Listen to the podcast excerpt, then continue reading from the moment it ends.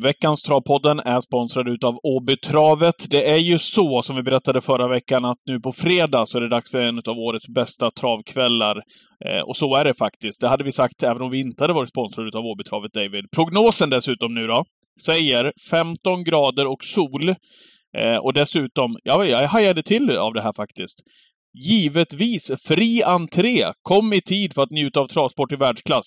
Eh, ja, men det måste jag säga. Nu, nu bugar och bockar jag. Nu gör man någonting utav det här.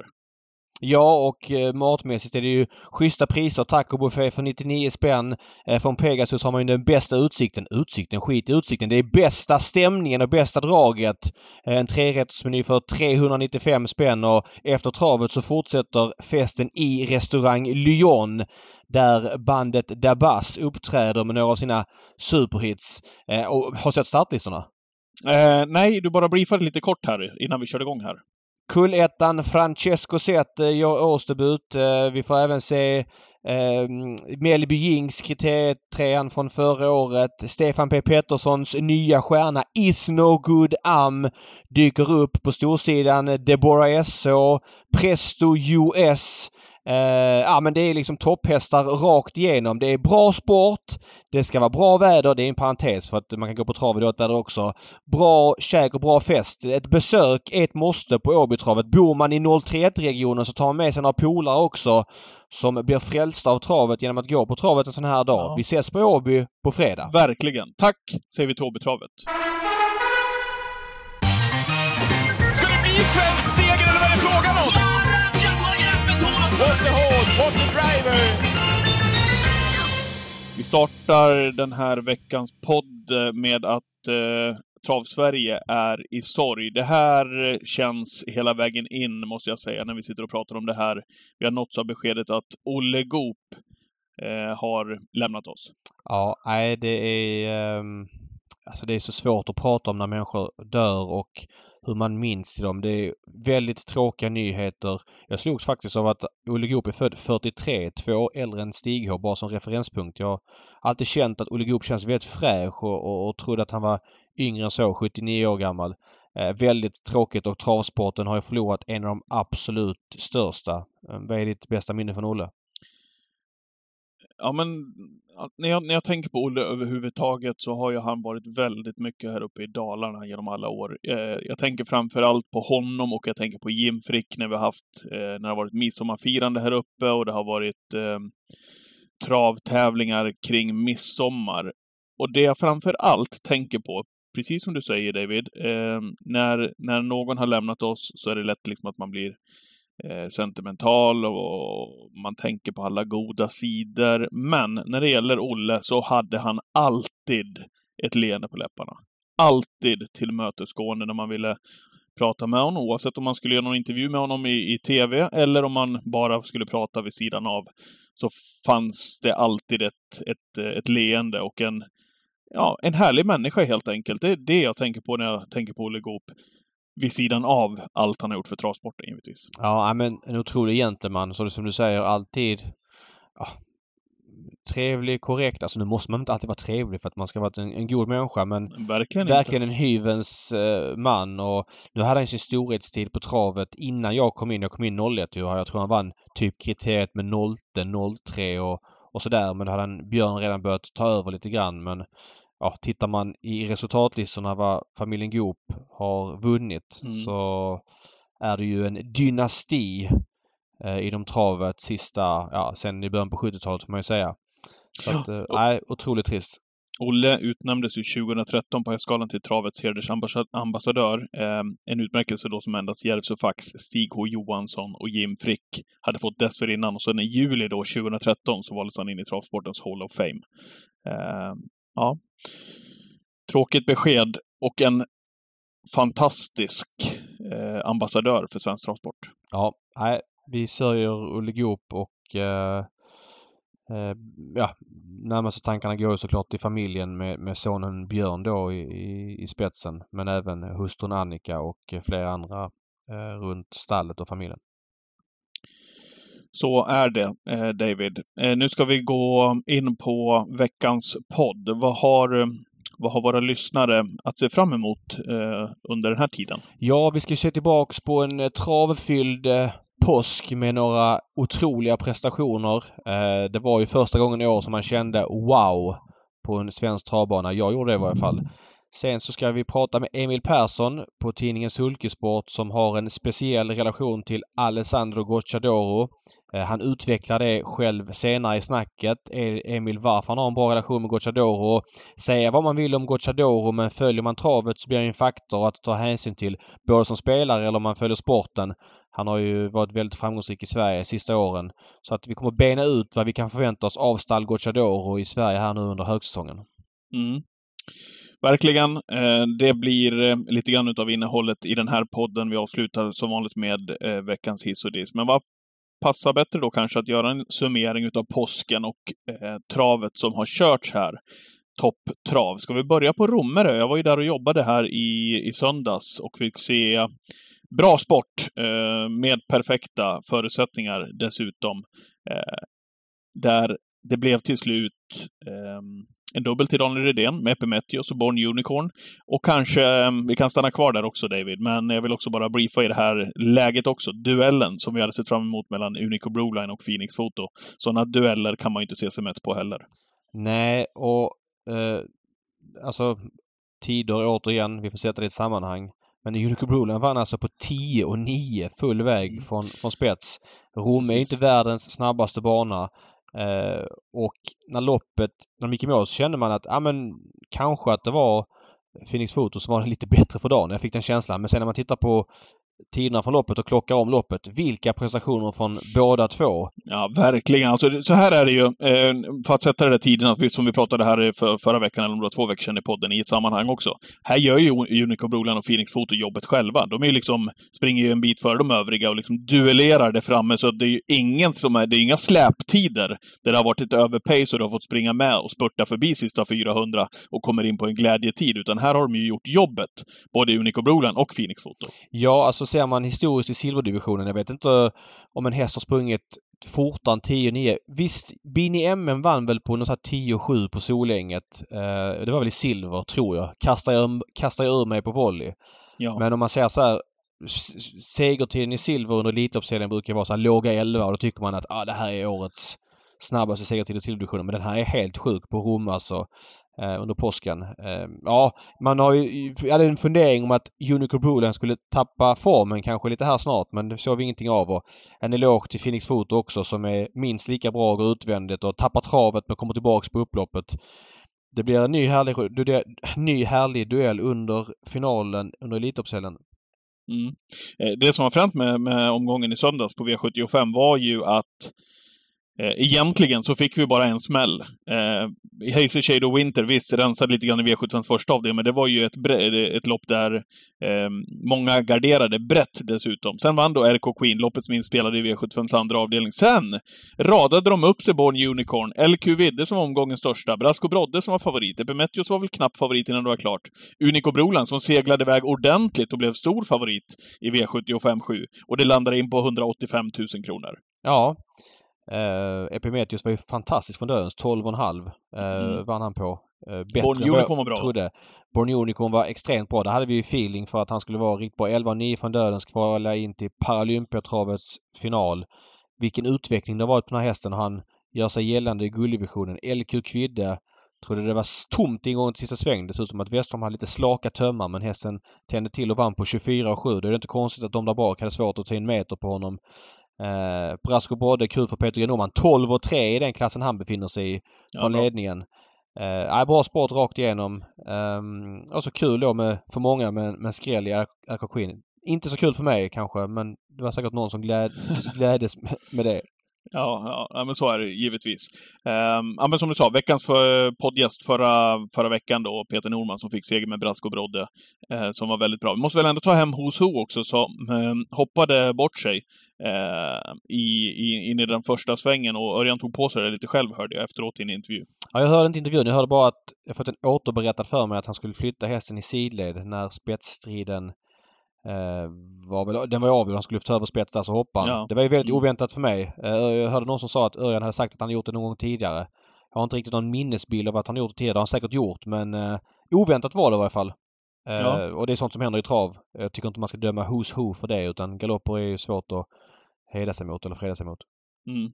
Eh, om vi backar, eh, vi skippar Klosseskogen där, om vi backar bandet till påsken där och eh, eh, Gävle då? Vad säger du om Gävleomgången där, om vi startar upp den där? Eh, Oj, nu hoppar du någon- omgången här. Gävle torsdags. Ja, vi eh, kör den först. Ja, vi kör den först. Ehm, Månlycke, det här måste jag säga. Ja. Eh, det här är- var jag inne på också för, några- för några veckor sedan. När man får se Gunnar Melander och Jan-Olof Persson sida vid sida i ett kallblodslopp duellera liksom hästkararna 1 och 2 på kallblodssidan. Det är någonting extra alltså. De lämnar de övriga. Dessutom så är väl kanske ingen, rätta mig om du tycker att jag har fel, eh, några taktiska eh, loppgenier, eh, varken Persson och Melander. All respekt för deras hästkar och deras eh, kunnande och deras framgångar. Men några sulky-virtuoser har de väl inte varit på många år i alla fall. Men Persson, han gjorde ju allting rätt där. Han eh, skickade Belfax till ledningen och, och gjorde så som han eh, kunde göra för att vinna det där loppet. Och, och Gunnar Melander, han satt lugn som en filbunke och så sa han efteråt lite lugnt att ja, men jag hade nog kunnat kört lite hur som helst och ändå vunnit. Men jag undrar om han inte blev lite orolig ändå, 300 kvar bakom Månlykke AM ja, jag vet inte om man blev det. Eh, jag Eller hade han så mycket? jag Ja, fattar han inte varför. Gunnar Melander velar om Elitkampen. Eh, de säger att det är fel distans. Ja, det må vara hänt men Säg att han är trea då och tjänar 250 lax. Jag menar det är en miljon till vinnaren i Elitkampen. Har han något incitament att stå över? Nej, jag, jag vet inte. Jag Nej. tror inte det. Nej, jag, fa- jag, fa- jag fattar inte det. Det spekuleras i det. Han vann som 90 procent i alla fall. Jag vet inte hur många större favoriter vi har haft på V75 genom åren, men det var ju de största helt klart. Eh, Jag vill bara nämna därifrån också From the Mine som vann V75 7 fick faktiskt ett wildcard till Sweden Cup Mm. i ehm, lördags va? Dammsugarhästen? Dammsugarhästen From the Mine, precis. uh, ja men det var väl uh, med check prestation av honom och kul häst att se Sweden Cup. Det är precis den här eh, typen av hästar vi vill se i ehm, Sweden Cup.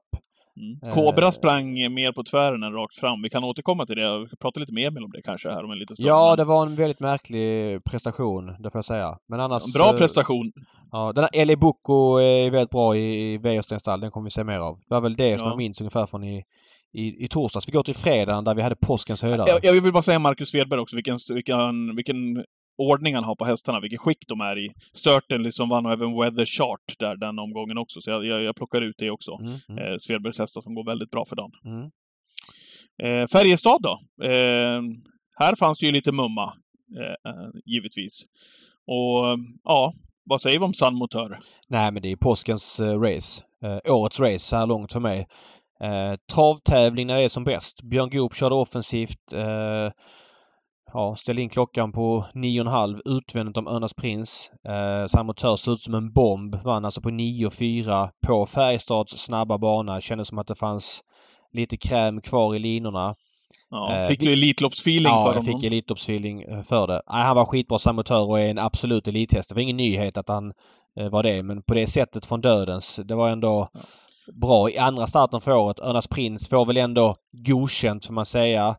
Eh, det var hans årsdebut. Ehm, Ja, lite- han, han, han kommer trots allt i mål på 9 Ja. och 6. Ja, nej, nej, eh, och det går inte att gnälla. Lite orolig då för hans skalle. Han har fått ett par tuffa lopp. Det är alltid ledningen och, och svara hästar. Jag, jag, jag sa ju i förra podden att Örnas Prins vinner det loppet så kommer han gå ner i odds som slutvinnare till Elitloppet. Nu gjorde han inte det och tvärtom så går han nu upp, gick han upp rejält och har svårt att se honom Eh, vinna ett sånt lopp. Men han är fortfarande lite underifrån, startsnabb och, och bör vara med i Elitloppet men han måste ju kanske fortsätta prestera här fram till Elitloppet så att han är kvar i, i snacket. Men Samotör är grejen i loppet, det får man ändå säga. Du har en annan spaning som du var väldigt förtjust i vid målgång. Ja, eh, Beppe B. Eh, jag tänker ta upp den hästen här också alldeles strax här med, med Emil, men eh, ja, alltså det intrycket. Han vill jag ha med i Elitloppet, punkt slut. Alltså, han kan göra loppen på det... Gå in och kika på det alltså, David, hur, hur Gocciadoro sitter över upploppet och hur hästen ser ut.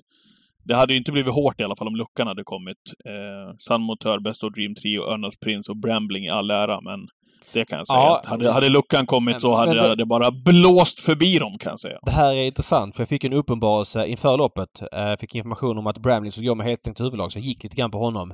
Trodde han kunde spetsa från sjunde spår med tanke på Färjestad. Nu blev det Murphy och Cancy Back och hästen var snabb ut men ändå chanslös att ta en längd på Mm. invändiga.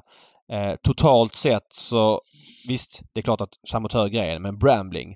Alltså jag fick en sån uppenbarelse bara att men jag, jag, det var så sjukt efter loppet. Jag kastade mig eh, in på diverse sajter och spelade honom som slutvinnare ja, till, till Elitloppet. Mm. Jag tycker att med den startsnabbheten han har, slänger de på honom ett häststängt huvudlag.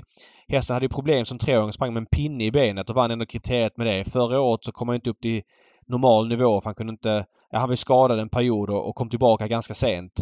Uh, nu verkar han ha fått en rejäl vinter med ett lopp i kroppen. Han gick alltså en... Vad gick han? 9 och 7? 6? 9 och 7. 9 och 7 i andra spår. Örjan körde bara sista 200 meterna. Tussar och, och allt sparat. Och Brambling för mig är superintressant i de större loppen. Framförallt på kort distans. Han känns ju lite rusig av sig, får man säga så. Gör han? Ja, men han är vet framåt Han stannar ju inte. Ja. Det är en häst som liksom håller farten. Eh, och man hörde ju på Örjan efteråt att han var riktigt nöjd. Eh, nu har vi pratat om problemet Redén har för att han har så många hästar i, i den klassen. Men för mig, visst nu är Don Fanucci inbjuden som eh, titelförsvarare. Det, går in, det är väl självklart att han ska vara det. Men för mig där bakom är ju Brambling klart mest intressant. Hail Mary hinner de nog, nog säger jag, inte få igång han har också sjunkit på, på sajterna har jag ja, sett inför men det ryktas uh, om ett monsterjobb på Solvalla i måndags faktiskt. Men, men jag tror att det är för tajt med Hail Mary till Elitloppet. Det är min gissning. Sen så är det ju Redén och ägarna som beslutar det. Men två lopp inför, ja. Är det så att han är bra? Kanske. Men med tanke på vad den hästen kan tjäna i sommar om man bara tar det lite lugnt så känns det som att uh, Eh, plus att då i Redéns Armada, de måste liksom... Ska han få tre hästar så måste alla tre kunna vara superhästar. Alltså att de kan vinna Elitloppet. Men mm. Hail Mary, visst. Skulle det funka med två lopp, då kan han vara aktuell. Eh, Sister Sledge. Ja. Jag tror Bramling är 30 meter bättre än Sister Sledge. Jag får den Oj. känslan när jag ser honom intrycksmässigt. Jag tycker att... Och nu startar ju då Bramling i Filanja Ayo eh, nästa vecka va?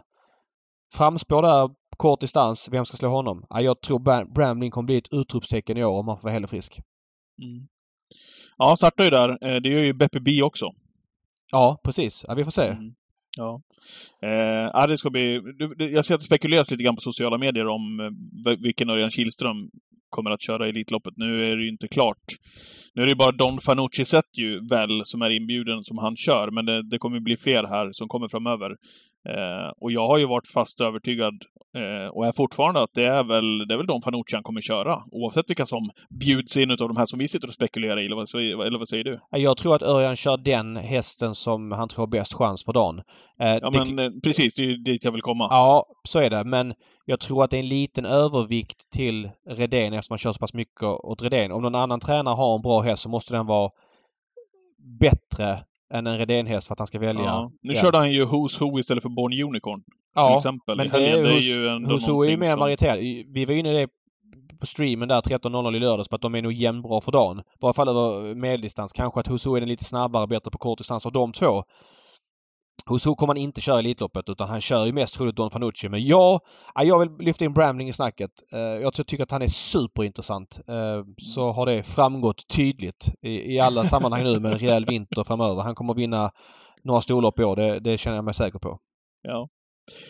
Ja, det var ju den stora höjdpunkten därifrån Färjestads travbana den, den dagen. Ska återkomma. Ska säga till... Bramling, han har aldrig gått barfota runt om heller så det finns ju växlar kvar att dra på honom. Eh, vi måste nämna Hanni Miraz också. Ja, såklart. Apropå ja. Redén och Kihlström, ja. ja. Tredje spår fram i döden så, och vinner liksom, tappar travet sista sväng och vinner, ja men ganska enkelt får man säga. Eh, du, här, här, kan vi väl ändå snacka om eh, här kan vi väl ändå snacka om eh, ett femårigt sto som är totalt överlägsen i, sina, i sin årgång. Ja, men vilket sto i närheten? Eh, jag hörde att Hevin Boko hade slutat tävla här i veckan. Ska betäckas eh, med, Reed, nej, med Calgary Games tror jag. Jag menar, bara på tal om ston i, storeliten. Men alltså storeliten ja, känns ju väldigt... Ja, Carly Smart är ju väl på kort distans. Eh, skulle kunna utmana. Men Hanny Russ känns ju helt överlägsen i, eh, i storloppen. Ja. ja, kanske då Sister Sledge också. Men jag är otroligt imponerad av Hanny Russ. Vilken årsdebut och vilket intryck. Och, ja, hon är solklar etta i varje fall i, bland storna i Sverige. Det är min känsla. Ja, det är det ja. ja. Vad tycker du? Eh, nej men precis vad jag skulle säga. Hon, hon gjorde ju rent hus i fjol eh, i sin kull och sen nu eh, när hon mötte sina femåriga eh, kamrater här nu då. Det är liksom, hon är ju på en, hon, hon, är på en egen plats. Sen är det alltid kul när när de ska ta klivet in och möta dem eh, lite mer meriterade, om du förstår vad jag menar, lite mer rutinerade stona. Då. Mm. Eh, Så de ändå skaffat sig lite hårdhet, de här som har tävlat på ett tag. Till exempel Sister Sledge då, om stallkamraterna skulle stöta på varandra någon gång framöver. Så ja, det ska bli kul att se i alla fall. Det är en, det är en ruggig märr det där. Ja. Har du något mer från påsken eh, som du känner att du vill eh, ta fram? Nej, det blir jackpot eh, på, i söndag så det blir en jättepott till lördag så vi kommer inte prata om den idag för att vi har varit eller vi kommer vara långa med gästen och, och sådär. Så vi, vi tar det på Twitch 13.00 på lördag så tar vi den med färsk info istället för att sitta här några dagar innan och, och gissa på vad hästar blir spelade på. Det känns bättre. Ja. Eh, vi har fått en inbjudan också till eh, Elitloppet sedan förra veckans podd och det är Perfetto som eh, är inbjuden till, till Elitloppet. Och nu måste jag säga det här, Malmrot med sina inbjudningar som han har skickat ut och där vi är eh, just nu när vi gör den här podden, så är det en härlig blandning alltså som man har fått till hittills alltså. Ruggigt skön mix måste jag säga. Ja, jag kan Eh. inte eh, argumentera emot på någon inbjudan. Jag tycker allt känns rätt. Det är klart att Perfetto fyller väl kanske inte kvoten vad det gäller att vara med och slå som slut, slutsegern men det finns så mycket andra ingredienser i Elitloppet när man gillar att se hästar från hela världen mötas. Det, det är en mix av allting. Nu har det varit på grund av pandemin då två år med mycket svenska deltagare. Eh, Det känns skönt att vi har börjat i den här änden och det kommer komma fler utländska och från Sverige ska det vara de absolut bästa. Eh, nu har vi några så här kvallopp där hästar som är under de absolut bästa kan kvala in. Det gillar ju inte jag men det är ju då en i Sverige, en i Finlandia Ajo och så en i Gävle veckan innan va? Mm. Oavsett så känns Perfetto som en kul inbjudan. Eh, ja men jag gillar det. Kanada, häftig flagga, vann ju Elitloppet med var det Fresh Yankee något år men framförallt Billy Georgine Bob 1992. Ehm, Så att jag, jag tummen upp för den inbjudan. Jag tycker det känns skitkul. Jag vet att vissa är skeptiska till honom att han inte ska duga men då får han inte göra det. Då får det vara så. Men, men alltså så Det här finns det hästar också. från Sverige som inte in... duger som eh, 13 heller så att... eh, Jajamän, som Ja. har varit med tidigare år Ja. också, så när, när de åker med på 13, 14, 15, 16 platserna där. Då är det mycket, mycket här, roligare att se en, eh, se en sån här häst, tycker jag. Mm. Eh, absolut. Ska vi gå in på veckans gäst då? Ja, en grej bara. Vi glömde Ja. nämna Best of Dream Trio som var väldigt bra i loppet på Ja, Färjestad ja, också. jag, jag vet. Ja. Han var tvåa i mål faktiskt innan det var klart. Ja, nej, var med i startrustningen och fick ligga i andra spår och nej. Han står rätt bra inne. Nu vet jag inte, nu kan väl i sig... I San Motör-loppet ska vi säga. Ja, gick han ur Mm. brons. Uh, gjorde han. Men han borde duga rätt bra i silver också framöver. Skön intervju med Kim Eriksson där efteråt. Han var Ja, han var paff nöjd. över prestationen. Ja, verkligen. Ja, men det var härligt. Han bjussade, på det verkligen. Ja. Okej, vi går in på veckans gäst då, så blir det lite Gocciadoro-fokus här. Japp. Välkommen till podden säger vi till Emil Persson. Stort tack! Jag sa precis här innan eh, att alla inom travet har väl koll på Emil Persson, men du får chansen här att berätta vem du är. Eh, Jag arbetar idag på eh, facktidningen Sulkesport. Eh, Jag har arbetat som eh, travjournalist hela mitt eh, vuxna liv. Jag började med det här när jag var 16 år gammal. Tidigare frilansat, jobbat både för Travronden under många år med framförallt Åby och Axvalla bevakning och har också varit på eh, Kanal 75 i två omgångar och gjort en hel del ATG Live sista vändan med eh, tydlig inriktning mot det franska travet framförallt. Mm. Ja, härligt. Eh, och, och vinkeln med den här intervjun blir, ja, men förutom lite grann här som du beskriver med din bakgrund och, och björnkollen då på travet, blir eh, Alessandro Gocciador. Den var du tidig med David här och, och, och flippa ut till mig att vi skulle ta Emil på Alessandro. Hur tänkte du där David? Eh, nej, men jag fick faktiskt ett tips, ett sms av eh, Peter Andersson som jobbar på kanal 75. Eh, han skrev att eh, ta med Emil eh, för att han har en eh, bra ingång hos Alessandro Gocciadoro och sen började jag fundera lite grann på att ja, men det var ingen dum idé alls och det är många som är nyfikna på det stallet av många anledningar. Eh, framförallt kanske nu inför säsong när de kommer med tre busslaster med hästar som ofta gör upp om segrarna i travlopp och oavsett hur travintresserad man är så handlar det, ändå om, handlar, handlar det ändå om att vinna travlopp och då är man alltid sugen även som spelare eller som travintresserad och så vidare att få sig en inblick och det har ju hänt lite med det stallet de sista åren. Det är inte... Ja, det finns mycket att prata om och jag känner att det var en given vinkel att, att köra med Emil. Emil, du kan ju själv berätta lite grann eh, hur började ditt samarbete med stall Gocciadoro och hur ser det ut? Kan väl säga som så här att första gången som jag träffar Alessandro Gocciadoro det är ju Elitloppshelgen 2017.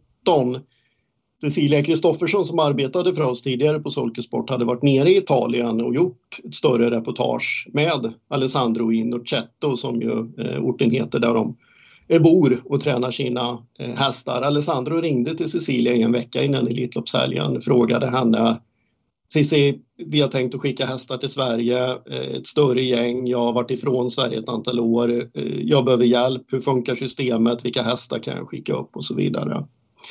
Cissi svarar då Alessandro att jag har inte möjligheten eller kunskapen just nu att hjälpa dig med de här sakerna men vi har en kille här på vår redaktion som är väldigt intresserad utav italiensk travsport som ser väldigt mycket italiensk trav och, kan nog dina hästar lika bra som, som du eh, själv kan, vilket givetvis var en kraftig överdrift.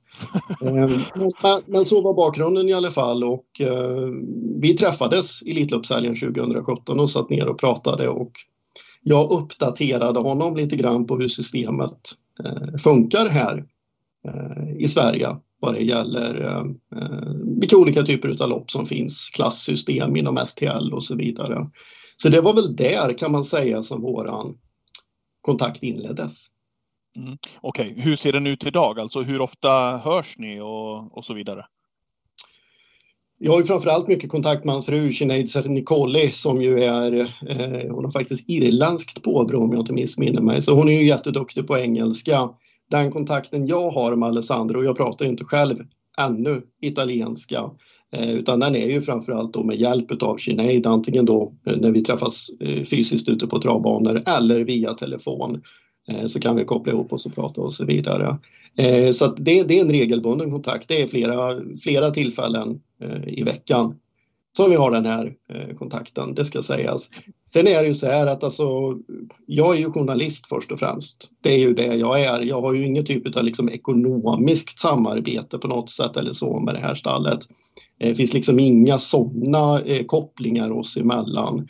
Utan eh, vi pratar om hästar, vi pratar om lopp, vi pratar om eh, propositioner, vi pratar om eh, regler till exempel. Det kan också vara ett sånt ämne vi har pratat om och så vidare. Eh, vi kan prata om eh, mediabilden i Sverige. Emil, vad behöver vi bli bättre på? De här sakerna är tuffa för oss. Det är jättemycket belastning när det kommer till det här med förfrågningar till, kring tipsintervjuer och så vidare hur gör man i Sverige? Alltså det, det är ju stora, stora kulturella skillnader mellan den italienska och svenska travsporten. Men, men känner de det för att de har bränt sig lite grann på den punkten och fått mycket skit och känner att de vill ha mer tillmötesgående eller är det en linje de haft från början? Alltså hela den här situationen med liksom den, den mediala belastningen som blir när man är aktiv inom den svenska travsporten är ju väldigt unik. Alltså tittar vi i Italien så det här med förhandsintervjuer liksom till eh, lopp flera dagar i veckan, det existerar ju inte i Italien. Det finns ju ingenstans utan det som finns det är ju då intervjuer som görs där och då på banan med några få undantag inför de allra största loppen. Annars så existerar ju inte det här överhuvudtaget eh, liksom en tävlingsdag eh, som det då är kring våra lördagar med V75 och att det ringer tio olika medier och vill ha information om exakt samma hästar eh, på det viset som existerar här. Det finns inte i Italien. Nej, okej. Okay. okay. Eh, när du säger så här, du jobbar som journalist, du hjälper stallet. Känner du någon gång att du balanserar liksom på Alltså jag kan se om man ser det utifrån att du liksom är med, matchar du till exempel, är du med och matchar och hittar lopp åt hästarna? Känner du att, du, att, du är, att det är svårt att balansera på den linan? Ja, ibland, ibland kan det väl vara det. Jag, jag, kan tycka att det som är väldigt, alltså det som är väldigt viktigt så är ju att jag kan ju liksom informera dem. De kan fråga mig som så här, till exempel, nu har vi tänkt att skicka upp Kolibri 1. Vad finns det för fyraordningslopp i april och maj för honom? Mm. Ja, då kan jag skriva ner en lista på de loppen som finns och skicka över tillbaka till dem. Jag väljer ju inte vilka lopp hästen ska starta i. Liksom. Nej, okay. Nej. Jag väljer ju dem liksom. Eh, precis på samma sätt som Alltså jag kan ta en annan jämförelse eftersom jag jobbar mycket med internationell travsport och mycket Frankrike. Det har ju inte varit ovanligt att svenska tränare har frågat mig.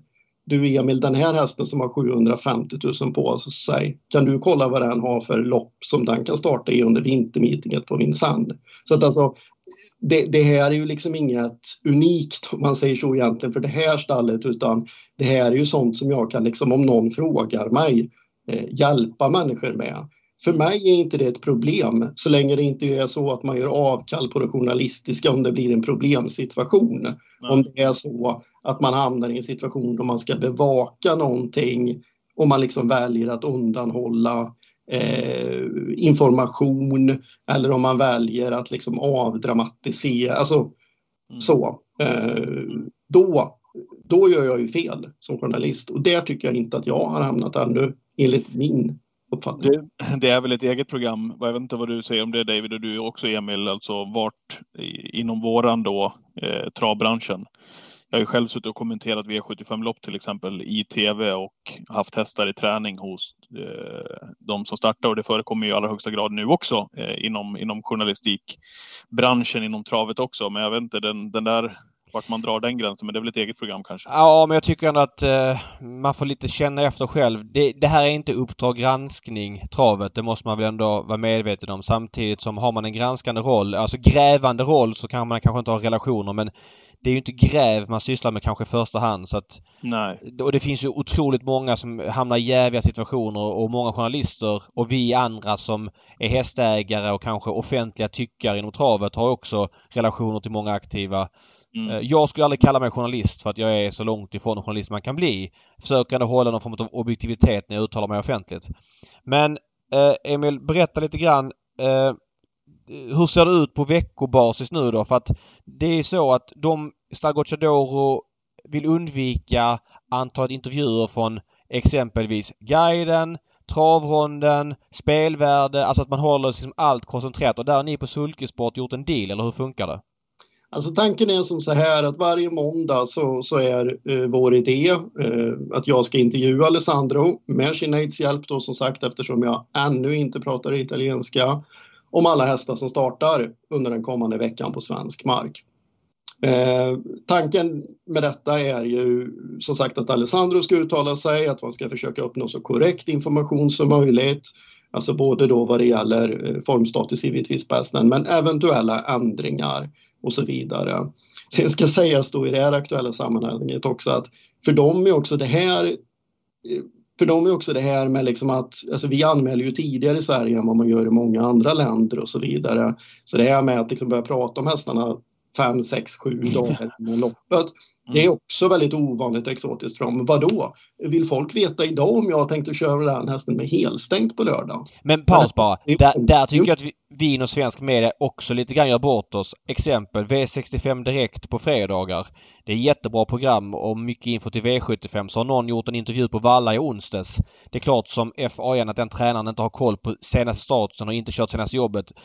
I vissa fall ska vissa intervjuer inte ens publiceras för de har inget värde. Så där har de en poäng i sin ifrågasättning med hur tidigt man kan göra en intervju. Mm. Ja, men lite, lite grann så är det ju. Och det är ju, mm. ja, som sagt, nu, nu har vi ju det klimat vi har i Sverige kring de, kring de här sakerna. Och, eh, det är ju också så att det är inte så hiskeligt många i det här stallet som är engelskspråkiga heller så att belastningen på de få som då är det, vilket ju då framförallt är Sinead, det blir ju, blir ju väldigt, väldigt tuff. Um, så att man kan väl säga att jag, jag har väl någonstans sträckt ut en hand där för att ja, försöka. Mitt syfte med det här, vi tjänar ju liksom inget på det här på Solkusport. De här intervjuerna kommer att ligga helt öppet och så vidare och är ju helt fritt för alla medier att bara liksom plocka rakt av och publicera. Men vet andra medier om då att de kanske inte behöver ringa Gocciador så ofta för att de... Jag har ja. hjälpt till att sprida till ordet så gott jag kunnat och de har gjort detsamma. Så får vi hoppas att det här liksom kan fortsätta rulla på och eh, fungera, fungera bra helt enkelt. Eh, men jag vill bara fylla i där. Eh, det finns ju en del av mig som kan tycka att Ska de vara med och köra om våra prispengar, vilket är kul för vi har ju hästbrist och det mm. blir ju mer rock'n'roll i loppen med Gocciadoro här och jag, jag, tycker det är nästan enbart positivt. Då måste de väl också kunna förstå att de bör uttala sig till media eh, när det är dags. Alltså förstår du vad jag menar? Kanske, det blir väldigt mycket men kanske för dem en belastning. Hur, hur ser de på den biten? Mm. Alltså eh, ja, jag, jag, jag, förstår absolut, jag förstår absolut hur du menar eh, i det här aktuella fallet. Eh, jag tror som sagt att situationen hade kunnat se annorlunda ut om det inte hade varit den språkliga barriären här utan man kanske hade kunnat sprida det här eventuellt på lite fler personer och så vidare också. Eh, jag tror att det här är en utveckling vi kommer se mer utav även i Sverige. Sen får man tycka vad man vill om den saken. Men jag tror att vi kommer att få mer utav den här utvecklingen i Sverige eh, också framöver. Vad är statusen på Stall Gocciadoro för dagen då? Vad kan vi säga där? Ja, eh, alltså årsinledningen för hans hästar på italiensk mark har varit lite blandad. De hade lite småstrul i vintras med lite infektionsbilder och så vidare på sina hästar. Så att eh, året har väl inte inlett riktigt lika vasst som det kanske gjort många gånger tidigare. Ehm, de hästarna nu då har valt att skicka till Sverige, ja de är ju väldigt noga utvalda. Ehm, han skickar ju liksom inte eh, vad som helst hit utan ja, för varje år som har gått så har de ju bara blivit mer och mer medvetna om vilka typer av hästar de ska skicka, vad som krävs av dem eh, och så vidare. Så att det är ju nästintill crème de la crème han skickar så har det ju verkligen blivit. Eh, om vi backar bandet lite grann bara. Eh, Stalgocciadoro, det har ju inte varit helt eh, fritt från kontroverser. Eh, det var ju några år sedan där hästarna, han vann ju sex lopp i Elitloppshelgen ett år och det var... De travade knappt och de bara var hur bra som helst. Var det Volnik Dukras-helgen? Ja, det, exakt. Det var Volnik Dukras-helgen. Alltså så här. Jag kunde inte låta bli att känna så här. Vad gör Alessandro Gocciadoro som svenska travtränare inte kan göra?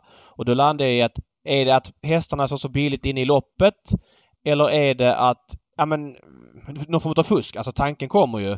Mm. Eh, och det här fick man ju lite vatten på sin kvarn året efter när man hittade, vad heter det, blitzer. Kan någonting i, i transporten som veterinären ska hålla på med, eller vad var det där? Precis, det var ett blister man hittade som heter Biodoro eh, som ju innehåller eh, kvicksilver. Det är ju ett blister som är tillåtet i Italien. Eh, det här, det är ju inte tillåtet eh, i Sverige. Eh, med andra ord känner jag ju noterat att det verkar vara ganska stort kunskap kring det här eh, preparatet Biodoro eh, även bland människor som, som absolut inte använder det här. Ehm, men det, det, är ju helt korrekt. Det eh, hittades ju i samband då med att eh, man gjorde ju ett, ska vi kalla det för, tillslag eller mm. genomsyn av hans transport helt enkelt. Ja, och det jag vill komma till där att vilket år var Volnity Krassåt? Var det 2017? Ja, det var 2017. Sen var det 2019 som det här tillslaget då gjordes mot eh, den här transporten på våren. Okej, okay, för att jag uppfattar som en tydlig brytpunkt. Ska se om jag säger rätt här nu.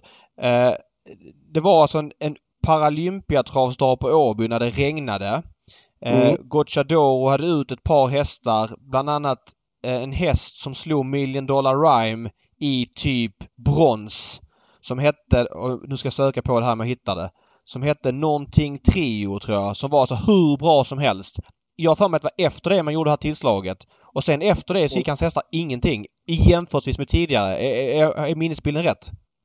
Alltså minnesbilden är rätt så tillvida att när vi pratar datum, sen om hästarna inte gick någonting därefter. Alltså sa, samma vecka som de gjorde det där tillslaget så underpresterade hästarna på Åby den lördagen.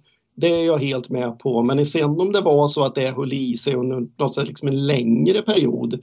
Nej, det, det har inte jag någon riktig liksom bild eller jag, jag, jag hittar datumet här. Det här, det här är alltså Paralympiatravsdagen den 27 april 2019. Eh, då var det ett silverdivisionsförsök där Var Vareta Louis hette hästen. Vann på 10-2, tredje spår fram i döden som var helt enormt bra. Eh, och sen efter den helgen, för det var inte... Jag tror han vann ett lopp den Elitloppshelgen. Det var typ i lopp 12 på lördagen med någon tioåtsare kontra året innan eller ja, där han då vann sex. Jag menar bara att det finns en tydlig brytpunkt som jag uppfattar det där Gocciadoros hästar blivit mer mänskliga. Sen tycker jag att från det så har det varit mer eller mindre normal nivå bortsett, alltså eller ja, om man från de här tidiga åren. Är du med vad jag menar?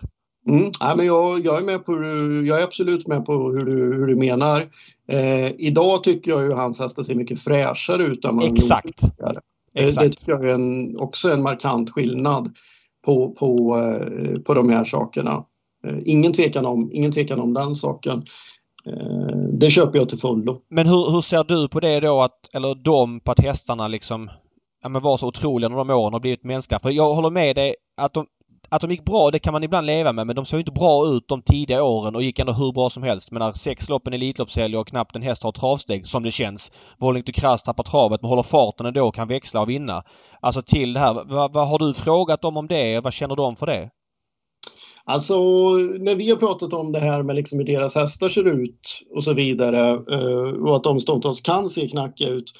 De hänvisar ju mycket liksom till den här knackigheten och så i sina hästar som då tidigare, för kanske framförallt har funnits, att den ska vara väldigt relaterad till eh, hur, hur eh, de italienska banorna ser ut, alltså det dåliga skicket på banorna, hur mycket det tar på deras hästar och så vidare och starta där nere. Jag uppfattar det som att de idag gör färre starter med sina hästar än vad de gjorde kring de här åren eh, vi pratar om här nu 2017-2018. Att hästarna gör färre starter per år idag än vad de gjorde tidigare.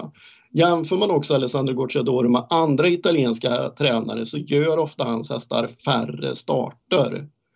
Um, vilket ju klart, alltså då kanske tänker jag att möjligheten att hålla dem fräscha ökar om du tävlar med dem liksom för Eh, frekvent.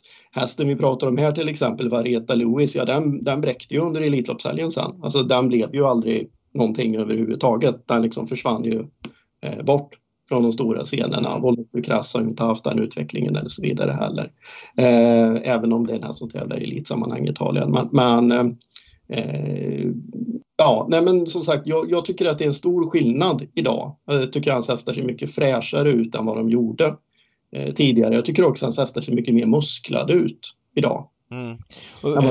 när, när vi kollar på startfrekvensen här då, som ni, som ni är inne på här, Emil. Eh, om man kollar till 2019 och jag är inne på Svensk Travsport här då och på Gocciadoro så gjorde han 110 starter, körde in 5,8 miljoner kan man läsa.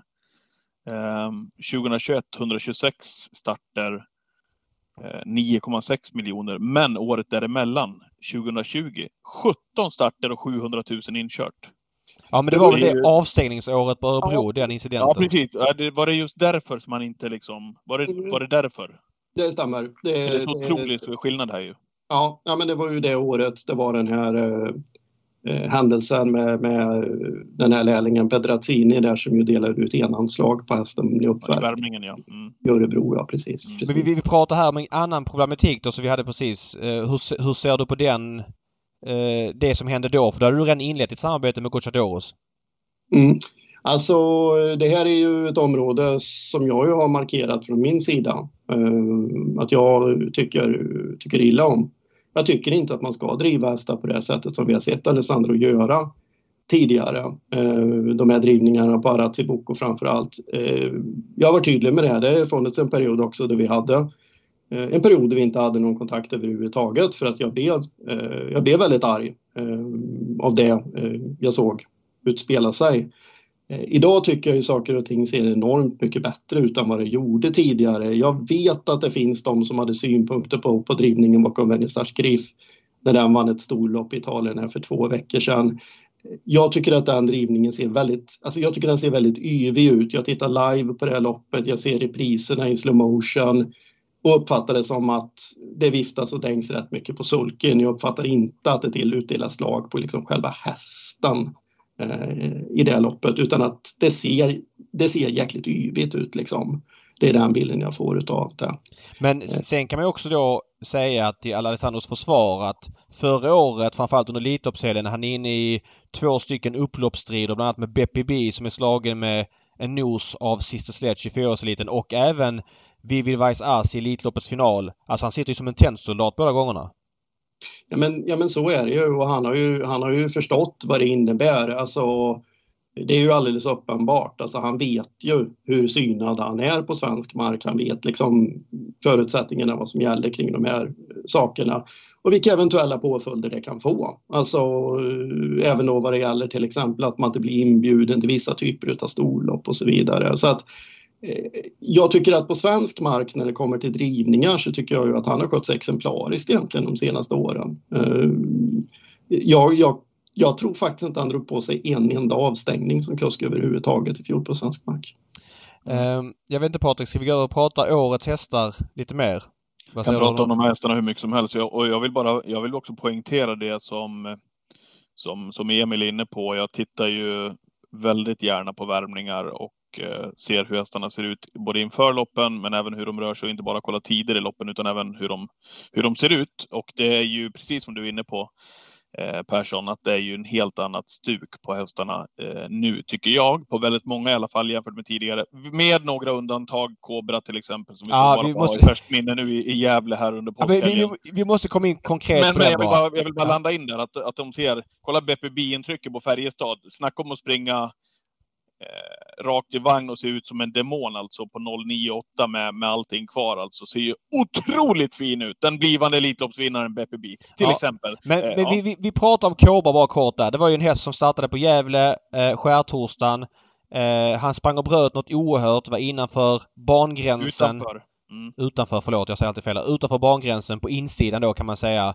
Eh, ja, det blev lite rabalder runt det och men så kan man inte se ut i ett svenskt travlopp, tycker jag. Det där var liksom ingen bra reklam för, för, för någon inom travet. Vad säger du om den enskilda starten, Emil?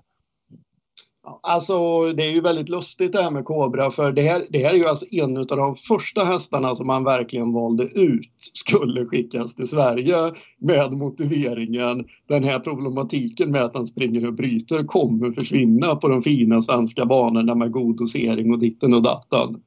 Och sen dyker hästen upp och ser ut på det här viset i första starten på svensk mark. Mm. Det ska bli jäkligt intressant att se när Alessandro kör den själv första gången. Mm. Alltså det, det, här är ingen häst. Om jag någon gång ska ta licens så ska jag inte ha den här som licenshäst. Så kan jag säga. Nej, det var ju, även om Lövdal är en, ja, en duktig kusk så var det ändå ett ungdomslopp ja, det här. Ja. Så att, ja. Nej, men absolut, och Lövdal är en skitduktig kusk. Men jag tror att det här är en häst som man verkligen behöver ha jobbat med liksom kontinuerligt och kan liksom varje typ av signal hästen sänder hur man ska agera och jobba med den. Vi får se när Alessandro kör den själv nästa gång. Det ska bli skitintressant att se eh, hur, hur stor skillnad det blir. Alltså hästen är ju jättebra och den ska vara jättebra. Häst, eh, hästkraken kostar 100 000 euro på auktion. Mamman var finalist i Lotteria, är halvsyster med Pascal Est som ju tjänar 15 mille. Det är en fruktansvärd stam i den alltså. Muscle Hill på Love You, som precis som du säger där, Anja Läst mamma ja. Mm. ja. Eh, men om vi pratar året lite grann. Var håller han till först och främst? Hur ser verksamheten ut i Sverige? Eh, han håller till på Söderby gård norr om Stockholm. Det är bortåt Märsta hållet där. Eh, där har de hållit till nu de senaste, eh, senaste åren. Det finns ju en sandbana där som de kan nyttja, vilket de är glada över, för det är ju sandbanan tränar sina hästar även nere i Norcetto. Så det tycker de är viktigt om de ställer upp sina hästar här. Ehm, de kommer ju snurra lite med hästantalet. Jag tror, nu kom det väl ett på slass i söndags eller måndags om jag inte missminner mig. Så att det är väl så att det står 18 hästar på svensk mark nu precis som det står på, man söker på hans träningslista här helt enkelt. Eh, några kommer vara här under en kort period. Eh, andra kommer vända hem efter Elitloppshelgen. Kommer nya hästar ja, som det sett ut lite de senaste åren. Det kommer att gå lite hästar. Hur mycket är han här eller vem driver liksom det här stallet ja. på Söderby? Ja, ja, faktum är ju att Alessandro är ju inte här så hiskeligt mycket. Um, han litar väldigt mycket på sin personal och är också väldigt mån om han skickar för personal till Sverige. Han har en finsk tjej som heter Kaino, en italiensk kille som heter Juri eh, som började jobba för dem i fjol. En och annan... inte Juri Toria ska vi säga då. Nej, även om han syns i sammanhangen där. Ja, men absolut, absolut, absolut. Och det är, eh, sen har han en ny kille som heter Alberto som var bland annat skötare till Moses Robb som startade Prix d'Amérique 2016. Eh, och sen är det ju då Andres Baldura som vi ser eh, flitigt här bockskägg hade han i fjol i alla fall, eh, skötare till bland annat Vernissage Griff. Det är ju Alessandros högra hand, han är ju oerhört viktig för honom. Det är ju en arbetshäst som jag har förstått det. Eh, som har många år i den här branschen. Han var bland annat skötare till Nad Al-Sheba som är pappa till Best of Dream Trio. Eh, Nad Al-Sheba sprang ju världsrekord som treåring när han vann på 12 och en full väg i Milano. Eh, så det, det, är en kille som är superrutinerad. Han hade liksom kunnat stå på egna ben och ha 50 häst i träning i Italien förmodligen. Okej, okay, så det här är gänget i Sverige och varför kommer man till Sverige? Varför? Eh, det är fler och fler italienare som gör det. Kanske ja, svaret är givet men ja. Ja, nej men det har bara börjat. Alltså, eh, tittar vi tillbaka hur det ser ut i utvecklingen i den italienska travsporten. 2009 så körde man om 114 miljoner euro på årsbasis i prispengar. I fjol var man nere på 45,9 miljoner euro. Mm. Så men, ut, det, utvecklingen är ju katastrofal. Men det här har ju pågått länge för jag kommer ihåg under uh, mina år inom trav-tv som redaktör så gjorde jag rätt mycket grejer med Klas Kock där han fick prata om italienska travsporten. De ställde in under ett par veckor för att det inte fanns mm. prispengar. Jag menar det här hände ju för över tio år sedan och nu ser vi en eh, italiensk explosion sista två, tre åren. Jag tycker det är för lång tid emellan om du fattar vad jag menar. Alltså, hoppet är ju det sista som överger människan. Man har ju trott och hoppats och velat och kanske i många fall också varit naiv att det ska bli en förändring, en förbättring. Eh, det har man väl insett idag att det inte kommer att bli. Sen är ju situationen i Italien väldigt speciell för den italienska travsporten, ja den lyder ju alltså under jordbruksministeriet den lyder ju liksom, de har ju liksom ingen egen sån centralorganisation på det sättet som vi har utan den lyder under jordbruksministeriet. Vilket ju innebär att får de feeling, vilket de fick ett år, äh tusan nu behöver vi nog skicka pengar till ett annat håll. Nu, nu går det bedrövligt dåligt för apelsinodlarna ute på Sicilien. Ja, nej men då får vi ta lite från travets pengar. Alltså det blir ju liksom eh, förutsättningar att jobba utifrån som, ja de är tuffa. De är mm. tuffa. Det är nästan så att svensk travsport är på väg ditåt också med det här LRF och så vidare. Men det var ett sidospår så vi ska inte gå in mer på det. Eh, årets lista som vi sa, eh, 18 hästar på träningslistan. Vilka, många är kända namn. Vitruvio och eh, eh, By the Book eh, som vann uppfödningslöpningen dock idag i ny regi. BPB och, och ett par till. Vilka ska vi hålla ögonen på? Vad, vad, vad, vad tror han sticker ut här? Eh, står billigt in i klasser och så vidare. Ja, eh, när jag surrade med honom för två veckor sedan lite rent allmänt om hästarna inför säsongen så och bad honom. Jag, jag sa till honom, säg en häst som du tror kommer att bli en klassklättrare i Sverige i år. Då vände han tillbaka direkt och sa att nej, jag måste få säga två. Och då sa han två stycken femåringar. Den ena heter Born to Run.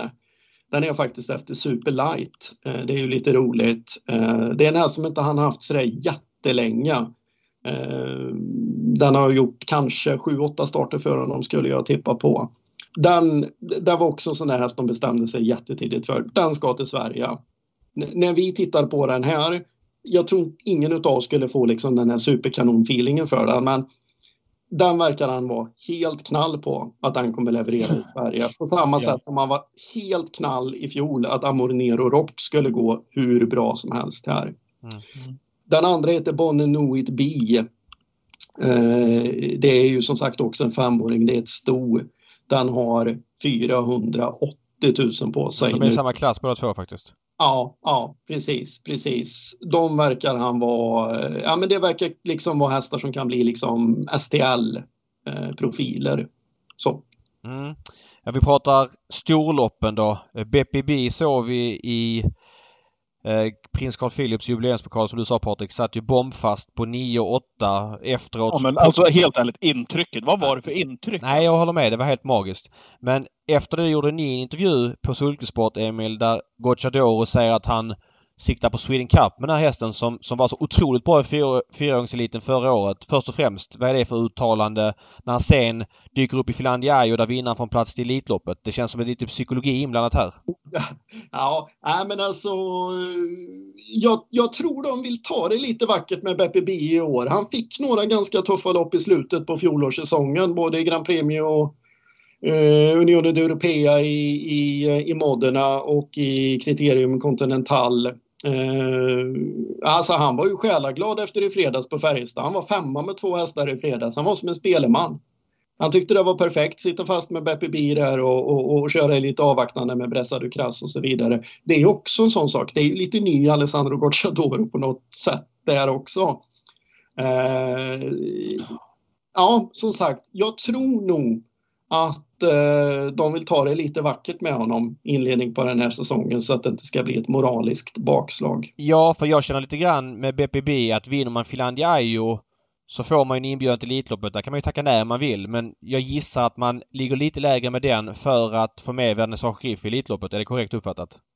Det är väl ingen vild gissning att det är på det viset. De är ju otroligt måna om att få med Venezuela Skriv till Elitloppet. De tycker ju verkligen att han hör hemma där och de eh, har ju siktat dit. De var ju väldigt besvikna i fjol att de inte kom med eh, till loppet. Och, alltså, frågan i mig så är Vänersborgs Griff helt given i Elitloppet.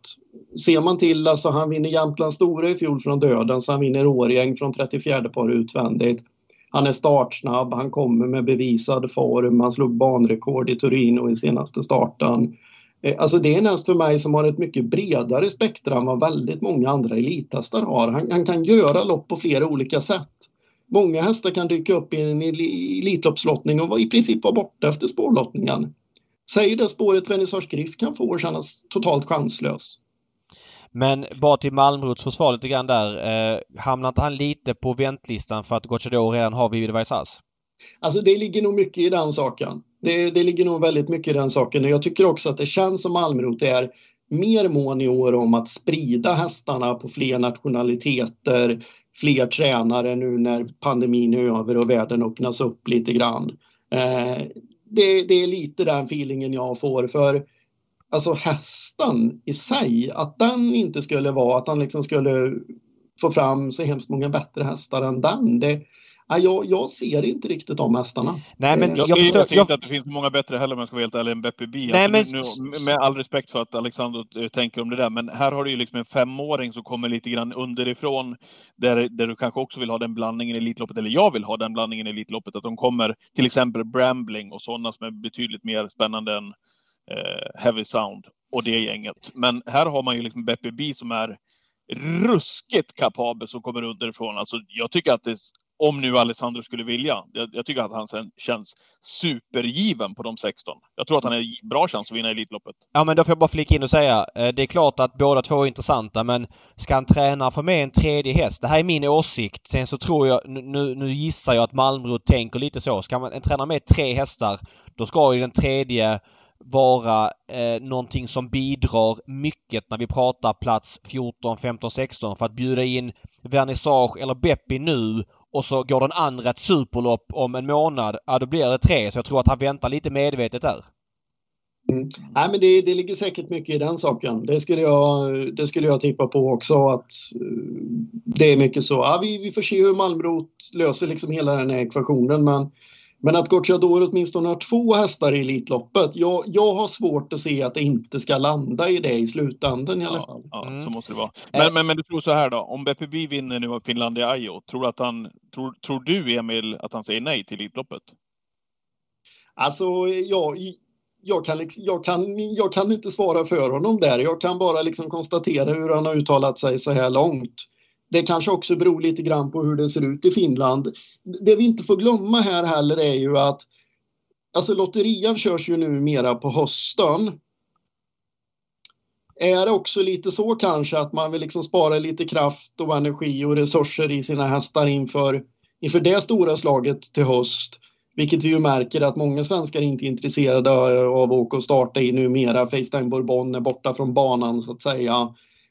Ja, det, det, det, lotterian är fruktansvärt stor i Italien. Det är, det är ju liksom deras elitlopp så att där har vi också sådana saker att väga in liksom när man vill bränna krutet eller vad man ska säga med sin hästar. Eh, en annan häst som många undrar över det är ju Ben Gurion Jet som imponerade enormt mycket under Åbergskvällen. Vann på 8-8 och om vi pratar att Gocciador vill ta det lugnt med BPB så gjorde han ju tvärtom. Han gick ut med fyraåringen Ben Gurion Jet i Åby Stora över 3-1 Auto typ tio dagar senare där han var mm. eh, blek i sammanhanget. Vad är status på Ben Gurion Jet? Får vi se honom någonting tror du? Ja, han startar på fredag i Neapel, eh, gör han, ett gen, genrep inför ett grupp 1-lopp som heter Grand Premio Freccia di Europa som avgörs den 8 maj. Så nu blir det det här loppet på fredag och sen ska han nog vara med i Neapel igen som sagt söndag den 8 maj då så får vi väl se efter det. Men där är ju mer snacket liksom om, om jubileumspokalen. Eh, vi hör inget Elitloppssnack där överhuvudtaget i nuläget utan eh, de vill nog samla ihop honom lite grann för det där Åbyloppet det, det kostade nog en del. Jag ty tyckte inte att han var riktigt lika vass i starten efter det heller. Nej, det var en konstig matchning också om vi, att han då vill ta det lugnt här. Men, men det kanske brände och lärde sig någonting av det för det kändes ju som en väldigt tuff matchning. Eh, Vitruvio med tjänat 14 miljoner. Känns som att han är på kraftig retur. Vad är din känsla där? Ja, det är ju inte riktigt samma spring vi tror vi Truvio längre som det var tidigare. Även om han har blixtrat till lite grann sådär någon gång emellanåt. Han var trea i lotterian i höstas till exempel. Men eh, nej, okej, okay. den högsta nivån han hade tidigare och tävlade på kontinuerligt, den tävlar han inte på idag. Det gör han inte. Eh, finns det någon häst här på träningslistan som vi har nämnt eller glömt nämna som du tror By the Book till exempel som vann uppföljningslöpningen, delad seger där och var med i derbyt väl senare. Eh, var Svante Båt nu köpt till Gocciadoro stall. Han är sex år. Varför vill vi se honom tror du? Mm, det verkar som att snabbloppet i Rättvik är det fredag 6 maj tror jag är tänkbar comebackuppgift för honom. Så ja. Eh, han, han kvalade ihop med den italienska derbyvinnaren Charmante Sack han gick 14-4 i kvalet med, med 11,5 sista 800. Eh, han fick problem, han fick någon typ någon alltså värmebölja eller vad man ska säga i, eh, i, i, i somras kort efter han hade kommit ner. Då hade han, han, han hade gått ett jobb efter 11,5 1600 meter på La Maura-banan i Milano och var startklar. Mm.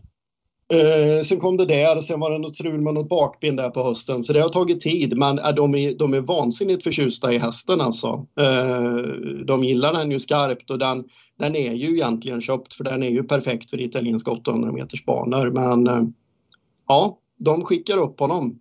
De skickar upp honom. De verkar så pass nöjda. Eh, är det någon häst vi inte har nämnt som du tror kommer sticka ut eller som vi får se? Ja, jag kan, kan ju nämna att det kommer ju godis till Elitloppshelgen. Det är ju bara förnamnet alltså. Eh, British Course går han ju med två hästar som ska kvala till. En som heter Danau Degly Day som har fyra segrar på fem starter. En som heter Dreamtime B som har tre segrar på åtta starter som är en halvbror till eh, Jim Oskarssons E3-vinnare Violet B. Treåringseliten för Ston, Delicious Scars som har sex segrar på nio starter och redan tjänat en halv miljon. Eh, Fyraåringseliten för Ston verkar ju Caramel Club vara aktuell för. Hon vann på 11 och 1 på Angan i somras och slog ju ja, både Call Me The Breeze och Ivensong som ju vann Europeiskt treåringschampionat på i, i, eh, i höstas. Um, så att eh, fyraåringseliten, Colibri Jet, kanske då även att Charmante Sack då, som han fick i träning här under vintern skulle kunna vara ett objekt för det loppet då eftersom den närmar sig start. Så att, Väldigt eh, intressant. Du nämner flera hästar som inte står på den svenska listan så det är en del av rotationen som kanske kommer att ske framöver. Ja, men vissa av de här är ju inte uppe än. Delicious Gar har någon start till hon ska göra där nere då innan hon, innan hon går uppåt helt enkelt. Um, så att eh, nej, det är ju, det är ju superhästar som, eh, som det handlar om eh, i det här aktuella fallet. Det är ju liksom kanonstammade hästar, hästar som ju Ja, som står billigt in i klasserna också får man säga. Det är väl en del av hans framgångsrecept att de kommer med, ja men som du säger, 300-400 tusen på sig och möter svenska klass 1-hästar som också är bra men som kanske ska vara silverdivisioner de då som kommer hit. Det är väl känslan? Ja, men så är det ju. Alltså, jag tittar ju som sagt på väldigt mycket italiensk travsport och jag vill väl påstå att Alltså de här loppen, säg då för hästar som kanske tjänar 300 000 kronor ungefär. Alltså topparna i de loppen när du tävlar i Milano eller i Rom eller nere i Neapel. Alltså det är ju snäppet kanske, ja ungefär bronsklass med svenska mått mätt. Men det är ju motsvarande då ungefär 25 000 svenska i första pris. Eh, och banorna är en till en och en halv sekund långsammare eh, än vad de är här i Sverige. Eh, så det, det, är klart att alltså de, de står ju billigt inne i våra lopp. De står ju extremt billigt inne i, eh, eh i våra lopp. Det är ju lite som när vissa välvalda svenska hästar skickas till Frankrike. Det, det blir ju nästan löjligt i vissa fall. Liksom. Mm. Som bara... till exempel Cobra där, David. Du får vara med på liret här nu när gul pilot ska ut. Ja, när han kör själv i så fall. För att intrycksmässigt så, så, så vinner ju inte det loppet om man får hänga lite mer i spåren. Det tror jag motståndarna är varse om nu. Bara kort Emil, innan vi rundar. Övriga italienska tränare som kommer till Sverige, hur ser det ut där? Gennaro Casillo är ju här nu. Det är ju en tränare som har tagit mellan 290 till 400 tränarsegrar de senaste sju åren i den italienska travsporten. Eh, han har ju mycket, mycket bra hästar också. Inte liksom hämtade från samma hylla som Gocciadoro. Det har väl börjat lite sisådär då för, för Casillo här nu. Var det han som var en jättefavorit på V86 som var helt iskall? Ja, ja. tvärklass, ja precis. Ja. precis. Det kommer, de kommer att lyfta. Det, det kommer de att göra, men låt, det kan ta lite tid vi får se då hur det blir i övrigt. Det är ju prat om Erik Bondo här att han ska dyka upp på Julmyra med ett gäng hästar och så. När skulle det ske i så fall? Ja, det har ju varit prat om att det ska ske under senvåren då. Det, så surret har låtit. Men jag vet inte, det, det, finns ju, det finns ju också en italiensk tränare som heter Fausto Barelli som har några riktiga toppar, alltså bland annat Black Flash Bar som jag har besegrat både Beppe Bi och Ben Gurion Jet. Som var tvåa bakom, bakom eh, Vernissage Griffi i Turin, i, i, i, Turin för två veckor sedan. Det är en sån där häst som knappt en människa pratar om i Sverige. Alltså hade den hästen varit eh, franskfödd liksom och vi hade sett den på ett helt annat sätt under vintern och så. Då hade ju folk liksom sagt att åh varför bjuder inte Malmrot in den? Den borde väl vara spännande. Eh, tjänat nästan 6 miljoner kronor. Vad heter den sa du? Black Flash Bar. Vad säger du om svenska tränare och ägare där vi, eh, både jag och Patrik är en del och flera andra såklart, eh, säger att de kommer hit och snor våra pengar. Den aspekten. Jag säger inte att jag säger det för jag, vi har ju uppenbarligen hästbrist i Sverige men hur ser du på det resonemanget? Ja, jag säger som så här, gå och prova det i EU-domstol om man är utav den, eh, utav den eh, åsikten. Alltså det går ju inte att stoppa. Det, det, är ju liksom, det är ju inte juridiskt möjligt att stoppa. Det är ju bara ett land i princip som gör det. Det är ju Frankrike som inte delar ut den korrekta mängden prispengar eh, för, för EU-hästar. Ehm, e Men hur kommer de undan med det då? Ja, du, det, det undrar jag också. I många fall så har de ju bakbundet andra travnationer genom att skriva olika typer av avtal att den franska rasen, att det då finns en egen fransk ras och sen så arrangerar man spel till de länderna Eh, och de får in liksom, ja, länder som då står på ruinens brant får in liksom pengar den vägen som man bakbinder dem. Så här uppfattar jag det. Eh, det är så här det går till. Eh, det är ju liksom, de är, de är ju långt ifrån Frankrike. Jag tror de delar ut 16 procent eller någonting. Ja, 16 procent också det. Ja, och det, jag tror att det är 80 tror jag lagstiftningen säger att man ska ha öppet för. Har Sverige 80 då? Eh, ja, ja, det skulle jag nästan tippa på med tanke på om vi tänker på alla vardagslopp och så vidare hur det ser ut. Det är ju... Eh, ja, men det, det, vi ligger nog nära. Det skulle jag i alla fall tippa på. Mm.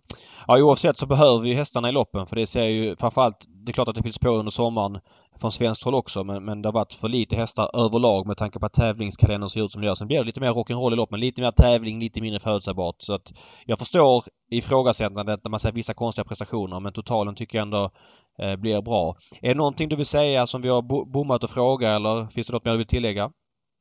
Jag, det, jag, jag, har en god vän som har sagt en ganska kul sak om Alessandro Gocciadoro. Han har sagt att det bästa med Alessandro Gocciadoro det är ju att vi får klart för oss vilken in i helvete duktig travtränare Daniel Redén är. För hans hästar slår ju Gocciadoros hästar. Ja. Alltså Sister Sledge, Don Fanucci Set, Elitloppet och så vidare i fjol. Det ligger en liten poäng i det. Eh, för så är det ju. Han sätter ju färg på loppen, det blir körning på ett annat sätt. Eh, ja. Eh, Bara kort, vad, vad, träningsmässigt, vilken filosofi är det han har som gör att hans hästar blir bra? Alltså han var, ju, han var ju först i Italien med att börja träna på sandbana. Alltså han var ju hos Svanstedt och hälsade på. Det är ju där han har lärt sig det här. Eh, Sissi då som var nere och gjorde reportaget med oss, hon, hon menar ju på den att alltså, han har en finare sandbana än vad väldigt många svenska tränare har. Tyckte ju liksom det var ju exceptionellt fina förutsättningar att träna häst på som han hade där nere. Så det är ju så han gnuggar sina hästar och, och, eh, och gör dem starka helt, eh, helt enkelt. Mm. Sand verkar vara träning med Peter G Norman förra veckan. De ska bygga en sandbana. Redén har ju lyckats väldigt bra i sanden. Men jag tror att många tror att det räcker bara att bygga en sandbana. Jag tror det handlar mycket om materialet i sanden också. Hur man vårdar det där. Ja, ja och jag är helt övertygad om att det går att träna väldigt fel i sand också. Jag tror att man måste liksom Ja, det tar nog sin lilla tid att gnugga in det på rätt sätt och komma liksom på den exakta eh, påfrestningen på hästarna för annars så eh, det är nog inte så svårt att köra de skadade. Det, det tippar jag på som lekman. Mm. Ja men svinbra Emil. Fan vilket intressant snack. Det är ju bålgetingen som Hultman kom, kallade honom. Det var ett klockrent eh, ja. smeknamn tyckte jag. Ja, nej, men det är, det är ett roligt snack och det är ett känsligt område för det, det, det är väldigt laddat. Allt som har med Italien att göra och den italienska travsporten är, är väldigt laddat. Och som sagt, jag, jag vill vara noga med att poängtera det här att alltså, Ja, man kanske kan kalla det som du valde att göra här för ett samarbete. Jag skulle vilja säga att det är ett form av informationsutbyte lika mycket som det handlar om eh, i det här aktuella fallet eh, mellan oss. Eh, vi har inga barn tillsammans. Nej, Men, men du får någon klar lite titt som tätt? Ah, ah, du, jag kan säga som så här att det, det skulle jag inte vilja påstå. Det, jag har aldrig mörkat en vinnare från det stallet. Det, Nej, Nej men framförallt så får du bra content. Du, du får bra, bra content bra till Sulkesport. Ja. Mm. ja, jo men alltså någonstans, någonstans är det väl så. Det är klart att eh, ja, jag, jag ser mycket och kunskap vinner man väl på i, i längden. Det vill vi väl tro som håller på med det här, eller hur? Mm. Ja.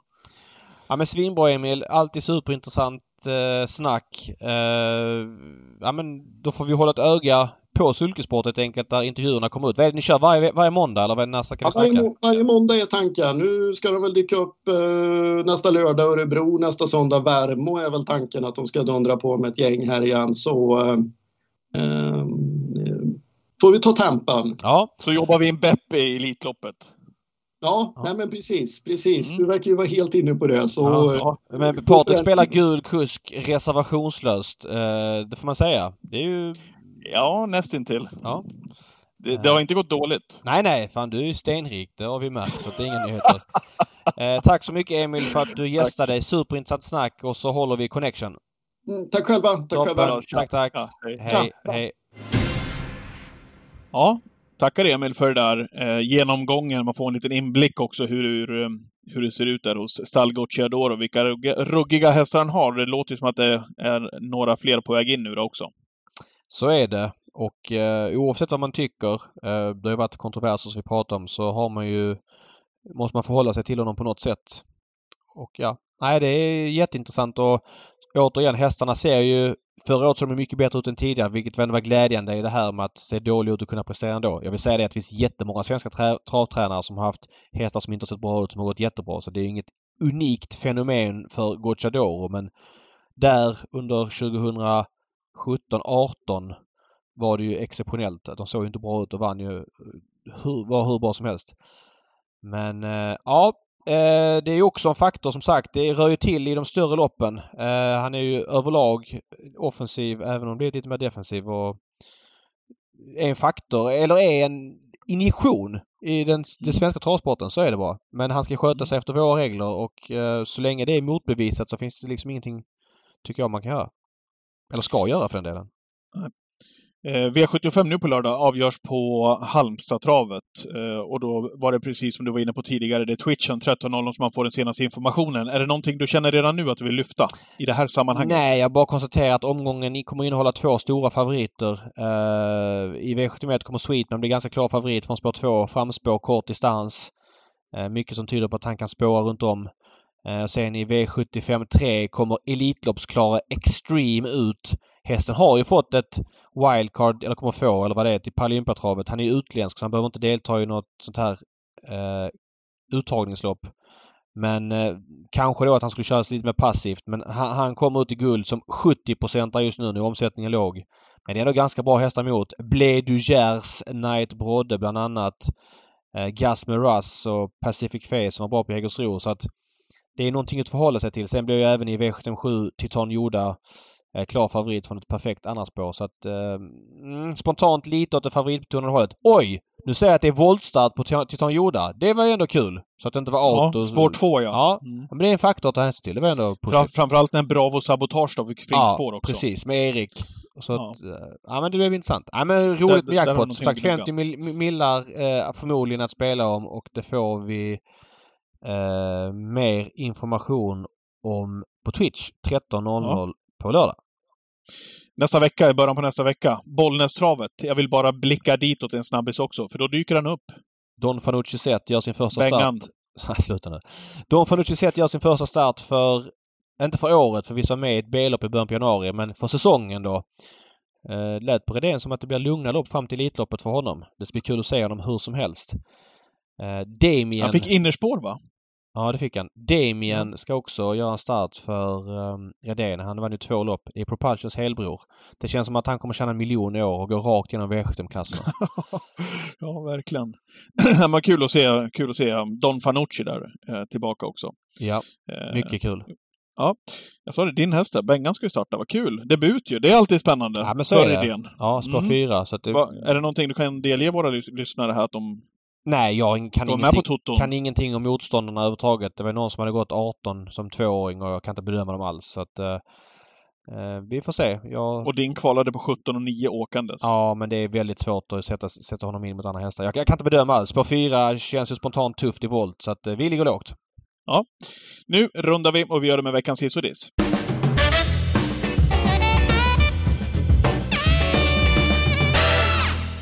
Och jag ska eh, dissa den här eh, veckan, David. Eh, och jag måste säga det att jag blev, eh, satt och följde påsktävlingarna ifrån Färjestad. Jag måste säga att jag blev eh, förvånad.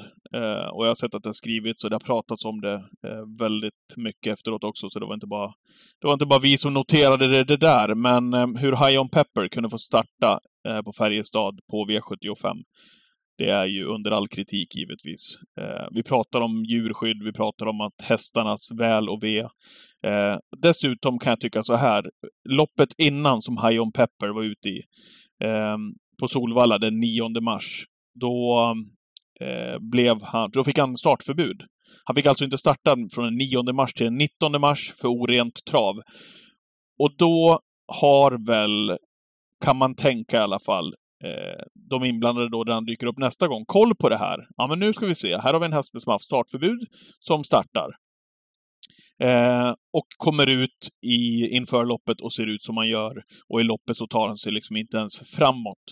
Eh, att, han, att han får starta i, i, i det loppet, det är ju... Vi kan, vi kan lägga ner det här med eh, hästens... Att, det, att vi sätter hästen först och djurskyddet och allt det där. Alltså, jag, jag, jag, blev så jag blev upprörd Jag blev alltså. också besviken lite grann. Jorma Kontio en av uh, världens bästa kuskar genom tiderna. Han ja, måste han, känna han har ju också ett ansvar att givetvis. allt inte stämmer och tränaren Katja Melko som, ja, ja, hon ser han väl hästen också han hade ju ett startförbud senast och sen så de två kan man alltid ursäkta som att hästen är transporterad till Färjestad och ja, man får 1500 för att ställa upp och allt det där. Det är inte schysst mot spelarna men så är det de facto. Däremot är ju banveterinärerna som har huvudansvaret. Att de inte går in och stryker, det är för dåligt. Ja, och så Jorma, att man vunnit. Många lopp har han vunnit? En 10-11 000. Som är en, en av de bästa vi har liksom. Han ska bara känna så här, ja men det här, det här är inte High On Peppers dag, vi åker av. Så viktigt är inte det där loppet med 100 000 i första pris, att, de, att man måste vara med i loppet. För att så som Nej. han såg ut så, så förstod alla att det här kommer inte gå vägen. Han kommer inte ta sig någonstans i loppet. Och jag menar, han var ju 50 meter efter på kör. Så Mm. att, Nej, nej jag håller med. Eh, Så otroligt tråkigt att se. Eh, där, där måste man rycka upp sig, alltså alla veterinärer som är ute och tittar. Framförallt ha, ha lite koll då på de här hästarna som kommer tillbaka efter att ha blivit, eh, fått startförbud. Eh, och rapporterade, eller rapporterade finns det, men, men att man, man har fått startförbud för orent trav till exempel. Ja, men då måste man ha med sig det inför loppet som kommer och säga ja, just det, den här hästen åkte på det här sist. Hur ser han ut idag? Kanske Mm. ha lite extra lupp på de hästarna också. Bara för att eh, säk försäk säkra sig om att, att den är fräsch för dagen. Håller helt med. Riktigt Tråkigt. dåligt. Ja. Det, var, det, det är veckans diss. Ja, då ska jag hissa och jag ska vara lite åt, eh, får man säga, skitnödiga hållet när man tar sån här klyschig hiss. Men eh, travet är ju... Ja men det är väldigt mycket spelet som är motorn och det går inte att komma ifrån. Men under den här påsken så otroligt mycket fina prestationer. När de bästa hästarna kommer ut. Det här Prins Carl Philips jubileumspokal. eh, Så otroligt, ja men så häftigt race och man blir glad när man ser en så oväntat bra prestation från San Motör den här dagen. Eh, vilket gjorde att, ja, det gjorde liksom Ja, men jag blir som att se en eh, jättebra fotbollsmatch eller någon annan bra sport. Liksom nerv och spänning på, på så många sätt. Eh, skithäftigt och de här bra hästarna som kommer ut nu, det gör liksom... Jag hade glömt bort hur många mer dimensioner det ger till travet. På vintern är det mycket spelet som driver liksom. Men när de här bästa kommer ut, det är flera nivåer till. Jag påminns varje vår om varför jag tycker trav är så väldigt kul. Nu blev jag ännu varmare i, i själen och någonstans så tycker jag att ja, men vi, vi, vi knyter ihop podden med det också. Med eh, Håkan Arvidsson då, med det vi började, eh, den tråkiga nyheten här om eh, och beskedet vi fick om Olle här. Mm. eh, med Håkan Arvidsson. Att, att, att se hans glädje efteråt, jobbet som de har gjort, familjelyckan, Björn som körde till seger. Man märkte på Björn också med klapparna efter mål där och hur tagen han är utav den prestationen, den hästen, och få göra det även eh, hemma i Färjestad och hemma i Karlstad. Så att eh, Arvidsson nämnde vi inte ens där, men snacka om att ta fram hästar också på löpande band. Det kommer nästan alltid någon stjärna ur det där stallet.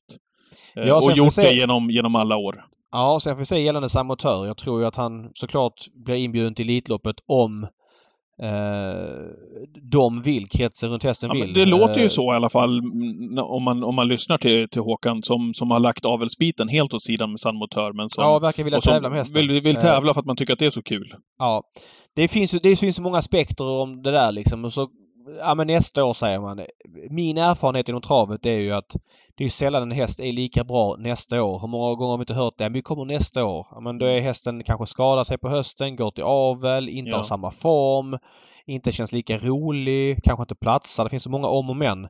Sen säger inte jag att det är givet att ta chansen för att man har chansen att starta Elitloppet. Det, två hit kan ju liksom Ja, men det finns ju en skaderisk i det och det finns ju såklart att loppet är tufft och att hästarna inte kommer ur det på bästa sätt. Så det är ju för och emot men det vore väldigt kul att se Samotör i Elitloppet.